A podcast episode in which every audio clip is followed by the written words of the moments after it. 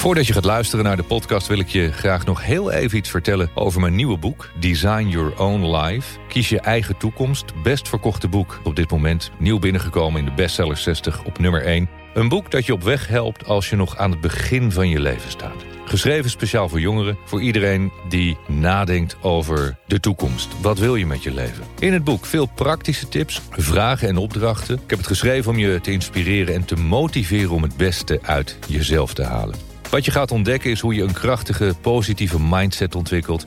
Hoe je omgaat met angst en stress, hoe je rust in je hoofd vindt... en hoe je invulling kan geven aan jouw meest ideale leven. Te koop bij iedere boekhandel en natuurlijk ook online.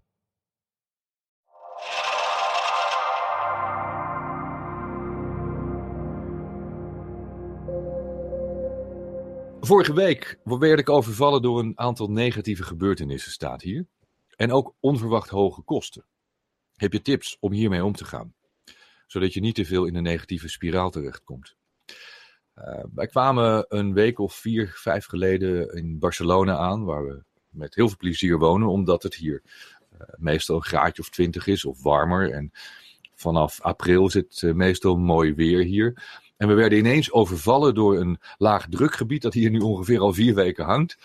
En het regent nu al een week en het overvalt ons elke dag. Um, dat is heel vervelend. Nou ja, het is niet anders. Weet je, we zitten lekker binnen en als we naar buiten gaan, dan doen we een uh, regenpak aan of we nemen een paraplu mee. Je moet leren omgaan met de situaties. De situaties zelf kun je niet veranderen. Dus je moet leren omgaan met die situaties. En het leven is nu eenmaal zo. Het, het gaat in een golfbeweging. Soms gaat het goed, soms gaat het slecht. In India hebben ze het levenswiel. Het wiel het, leven is een wiel en het wiel draait. Het leven gaat vooruit, dus het wiel draait. En op het ene, ene moment is het ventieltje van het wiel is boven. En als je een stukje verder draait, denk maar aan het fietswiel, dan is het ventieltje weer beneden. En zo zal je het ook altijd zien gaan in het leven. Je hebt ups en downs en je hebt een tegenslag en dan komt het wel weer goed. De tegenslag is nooit voor eeuwig. Het is nooit eeuwigdurend. Dus wat je vooral niet moet doen, is gaan focussen op die tegenslag. Niet gaan focussen op dat negatieve. Kijk waar je mee bezig was. Waar wilde je naartoe? Wat is je doel? Wat is je, je bestemming? Daar moet je op focussen.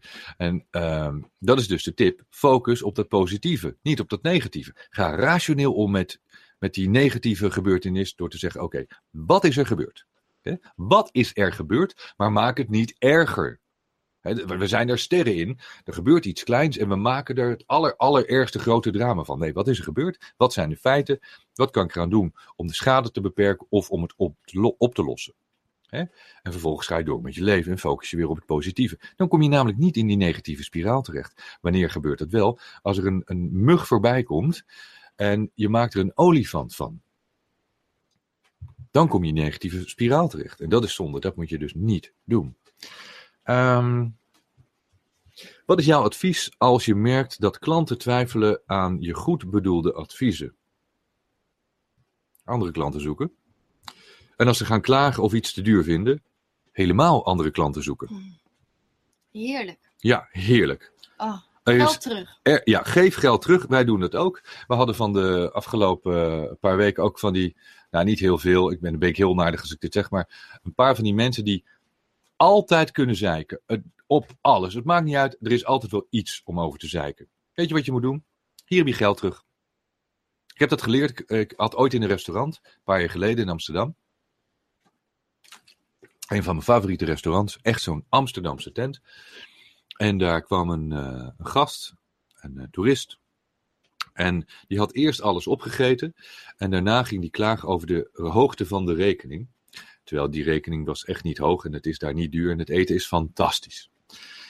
En de eigenaar die, die werd zo boos, want die, voelde, die was echt in zijn eer geraakt, in zijn eer aangetast. Die, die, hij vond het zo erg dat hij, hij scheurde die rekening door en die zei tegen die man, hier heb je je geld terug. Ja. Je hoeft niet te betalen.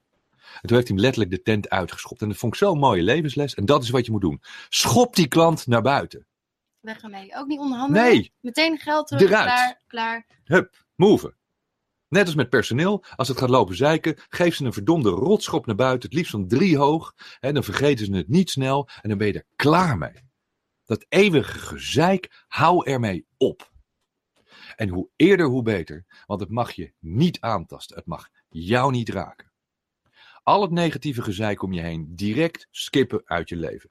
Dus klanten die beginnen te lullen over het is te duur, jammer dan. Dan ga je naar iemand bij wie het goedkoper is. Komen ze vanzelf weer terug? Je kan een mooi voorbeeld van vroeger. Ik heb altijd vrij veel. Uh, ik vind gewoon dat ik veel waard ben. En zolang het betaald wordt. Hè, want jij bepaalt nooit zelf de waarde. De klant bepaalt de waarde. Ik sprak vroeger vrij veel commercials in. En ik was een van de meest gevraagde stemmen. Ik heb zo'n top 3, top 5 van heel veel uh, gevraagde stemmen. En ik was een van die stemmen. En daardoor konden wij tarieven vragen die waren echt belachelijk hoog. En ik, ik kon voor een, voor een commercial van uh, 30 seconden. kon ik een bedrag vragen van zo'n 2.500 gulden in die tijd. En dat vonden klanten soms wel eens heel veel geld. En dan zei ik van ja, maar je wil mij hebben en dit is mijn prijs. En als je dat te duur vindt, hè, als je te veel geld vindt, dan moet je iemand anders nemen. Met het risico dat diegene veel langer bezig is. En die studio die kost ook een honderdje of zes. Ik ben waarschijnlijk klaar binnen, nou pak een beet, ik spreek twee, drie keer in. Uh, soms was het wel eens een one-taker. Ik zeg binnen vijf minuten ben je met me klaar. Dus die studio die hoef je niet lang te huren. En dan heb je het product wat je wil hebben. Dan weet je wat je krijgt. Heb je daar de garantie op. Maar het kost wel 2.500 gulden. Soms waren er dan klanten die, weet je, penny pies, uh, penny found feel foolish. Penny wise, pound foolish. Ik ben niet zo goed in mijn spreekwoorden vanavond hoor ik hè. En dan huurden ze een gozer in en die deed dan voor, uh, voor 400 of zo. En dan zaten ze dus echt een hele ochtend in die audiostudio om het goed te krijgen. Inmiddels was iedereen geïrriteerd. Die negen mensen duur betaald van het eh, reclamebureau. Veel te dure studio. Niemand had er meer zin in. En uiteindelijk zijn ze dan een hele dag aan het monteren om er wat van te maken. Om vervolgens de dag daarna toch mij te bellen en te zeggen van... Mike, eh, kun jij toch komen? En daarna ook nog eens over de zaak zijn dat je het wel in vijf minuten doet. En dan vinden dat 2.500 euro voor die vijf minuten werk eigenlijk zwaar overbetaald is. En denk van ja, weet je, die voetballer, hè, die voetballer die een miljoen per wedstrijd kost, maar wel net dat ene winnende doelpunt maakt, is hij het waard? Ja of nee? En betaal je het niet? Dan niet. Kies iemand anders. Het probleem is natuurlijk als je te weinig klanten hebt en dit niet kunt zeggen. Mm. Kan een mooi voorbeeld geven. Ik had net een uh, gesprek met de directeur van de haven waar we hier liggen. Echt belachelijk dure haven. Het is echt krankzinnig. En dat komt omdat de lichtplekken die zijn beperkt. Er zijn niet heel veel plekken hier in de stad, uh, midden in de stad van Barcelona. er komen steeds grotere superjachten, die boten van een paar honderd miljoen. En er is dus meer vraag dan dat er aanbod is. En toen zei hij van nou, uh, ik, kan jou een, ik kan jou een lichtplek verkopen, maar dat kost dan voor een bepaalde periode 150.000 euro. Dan koop je een stukje water. Hè? Je, kan er je boot neerleggen. Dus verder heb je nog niks tastbaars. Toen zei ik van nou, dat vind ik, vind best aan de prijs. Hij zegt ja, maar er zijn genoeg mensen die het willen betalen, dus dit is de prijs. Dan kun je betalen, dan krijg je hem. En doe je het niet, dan niet. Dat was een kort gesprek.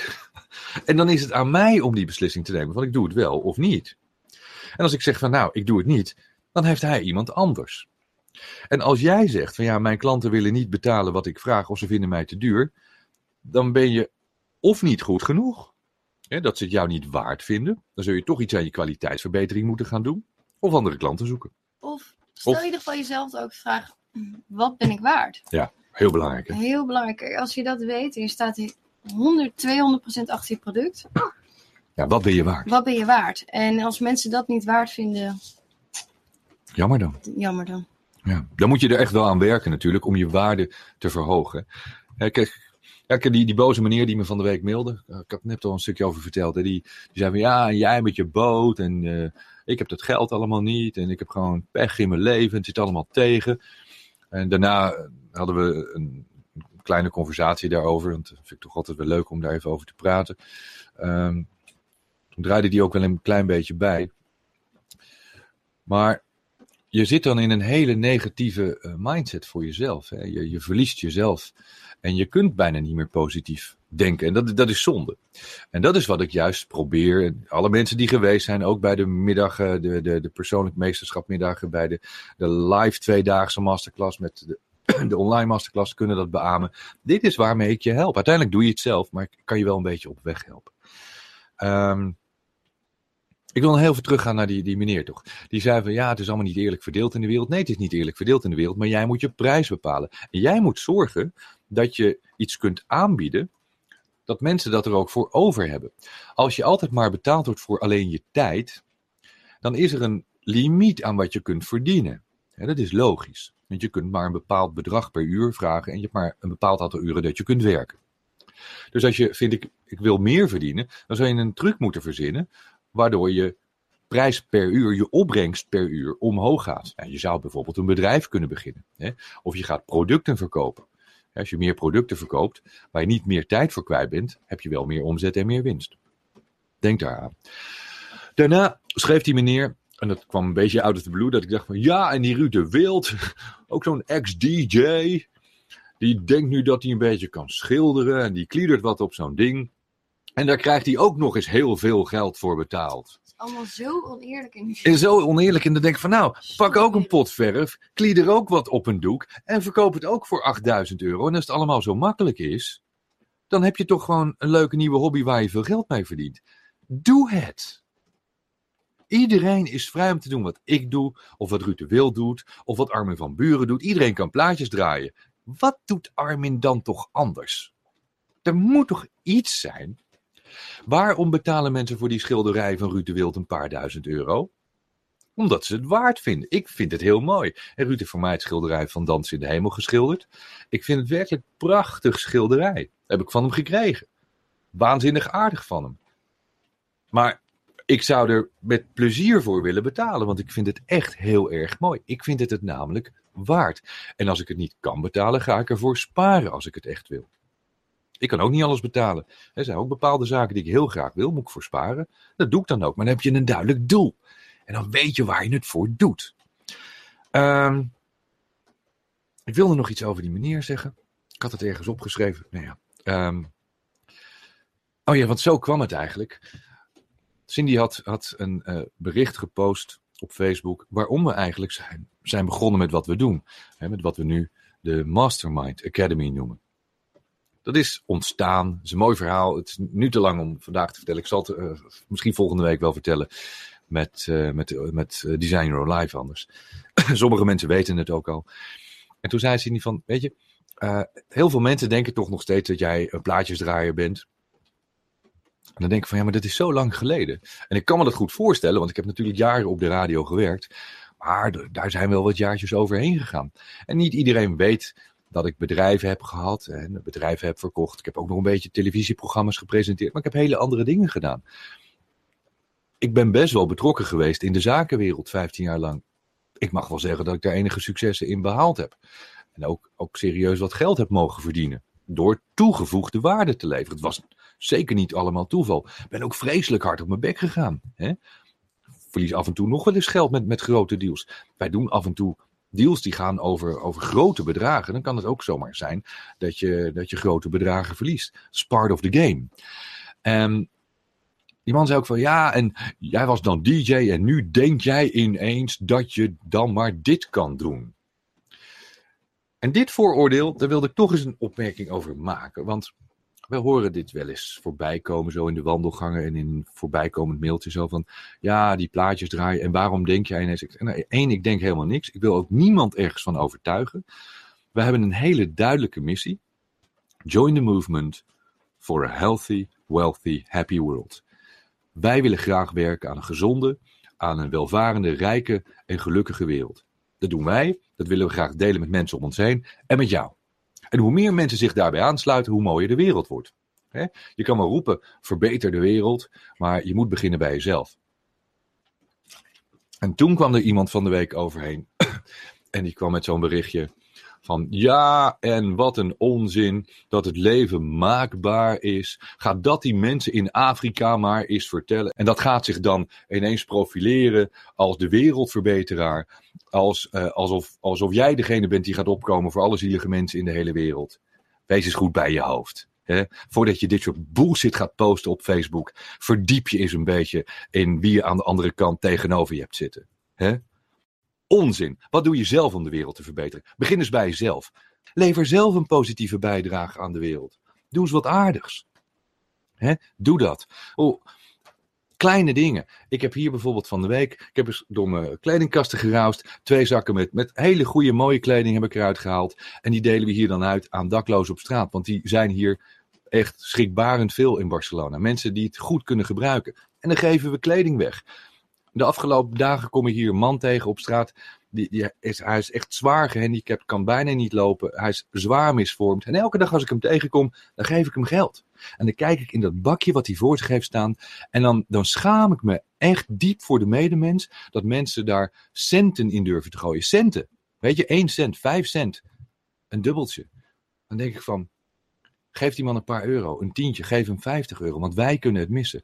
Lever op die manier dan een goede bijdrage aan de wereld. Doe dat dan. En hou op met, met praten over, over Afrika en mensen in oorlogsgebieden. Ik vind het ook heel erg, natuurlijk. Alleen, we kunnen daar niets aan doen, nu zelf. Of je moet daar naartoe gaan. Hè? Ik, heb, ik heb ook in, in, in, in mijn antwoord geschreven op Facebook. Dan moet je het doen. Zoals Mick Brucker, weet je, die, die uh, 22 jaar is en zijn hele zielzaligheid heeft opgegeven en naar Nepal is gegaan om daar een weeshuis te bouwen voor, voor kinderen die geen ouders meer hebben. Die, die die aardbeving hebben overleefd en niks meer hebben. En hij is daar naartoe gegaan, leeft ook van niks om te helpen, om daar een weeshuis op te bouwen. Ik heb een goede vriend, die heeft een school gestart ergens in Afrika, om daar kinderen min of meer te adopteren, dat ze elke dag naar school kunnen. Doe dat dan. En wees eens niet zo dwaas met al die stomme opmerkingen. En want mensen die heel veel geld hebben, die storten ook heel veel geld in dit soort fondsen. Om scholen op te richten. Overal in dat soort plekken. Om kinderen te helpen te overleven. Om ze, om ze scholing, om opleiding te geven. Weet je, laten we daar met z'n allen aan werken. Laten we niet al die kritiek hebben en al die meningen. Laten we met z'n allen, want we kunnen het alleen maar met z'n allen, werken aan die mooiere wereld. En als je niet fysiek kunt helpen door er naartoe te gaan, geef dan geld, maar lever een bijdrage. Wees positief. Denk positief.